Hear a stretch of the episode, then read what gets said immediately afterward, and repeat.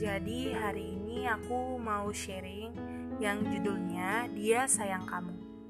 Siapa pun kita, kita pasti pernah mendapat kondisi yang gak enak dan perlakuan yang gak adil. Dan terkadang karena hal itu, kita merasa Tuhan gak sayang dengan kita. Bahkan kita merasa Tuhan ingin kita selalu berada dalam keadaan yang gak enak. Tapi apa pun situasi yang kita hadapi, kita harus terus menaruh percaya kita kepada Tuhan dan sama sekali nggak boleh curiga dengannya.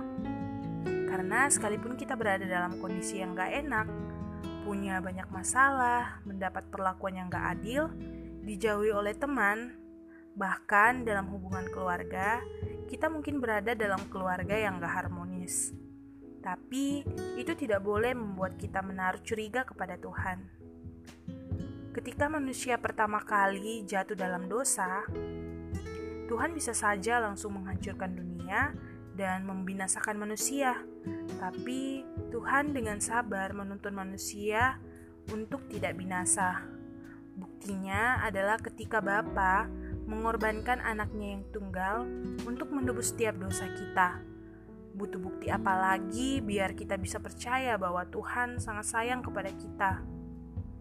Jangan hanya karena kita gak secara langsung melihat Yesus disalib, membuat kita kurang menghayati atau menghargai pengorbanannya. Mari kita sama-sama yakin bahwa jika hari ini kita masih boleh mendengar firman Tuhan, itu hanya karena bukti cintanya kepada kita. Setiap kesempatan yang kita punya itu adalah bukti kesabaran Tuhan untuk kita mau dan berbalik serta bertobat. Tuhan hanya mau mendidik kita untuk tidak menjadi serupa dengan dunia. Ia mau hidup kita hanya sesuai dengan kehendaknya. Jadi kita nggak boleh merasa Tuhan nggak sayang kita hanya karena perlakuan yang nggak adil atau kita sering mendapat keadaan yang nggak enak. Tuhan sangat mengasihi kita. Ia nggak mau melihat kita sampai binasa.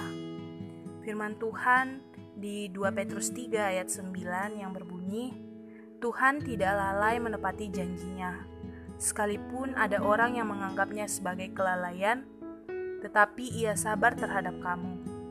Karena ia menghendaki supaya jangan ada yang binasa, melainkan supaya semua orang berbalik dan bertobat. Jadi, akhir sharing ini satu pertanyaan aku buat teman-teman semua. Apakah kamu juga sayang kepada Tuhan?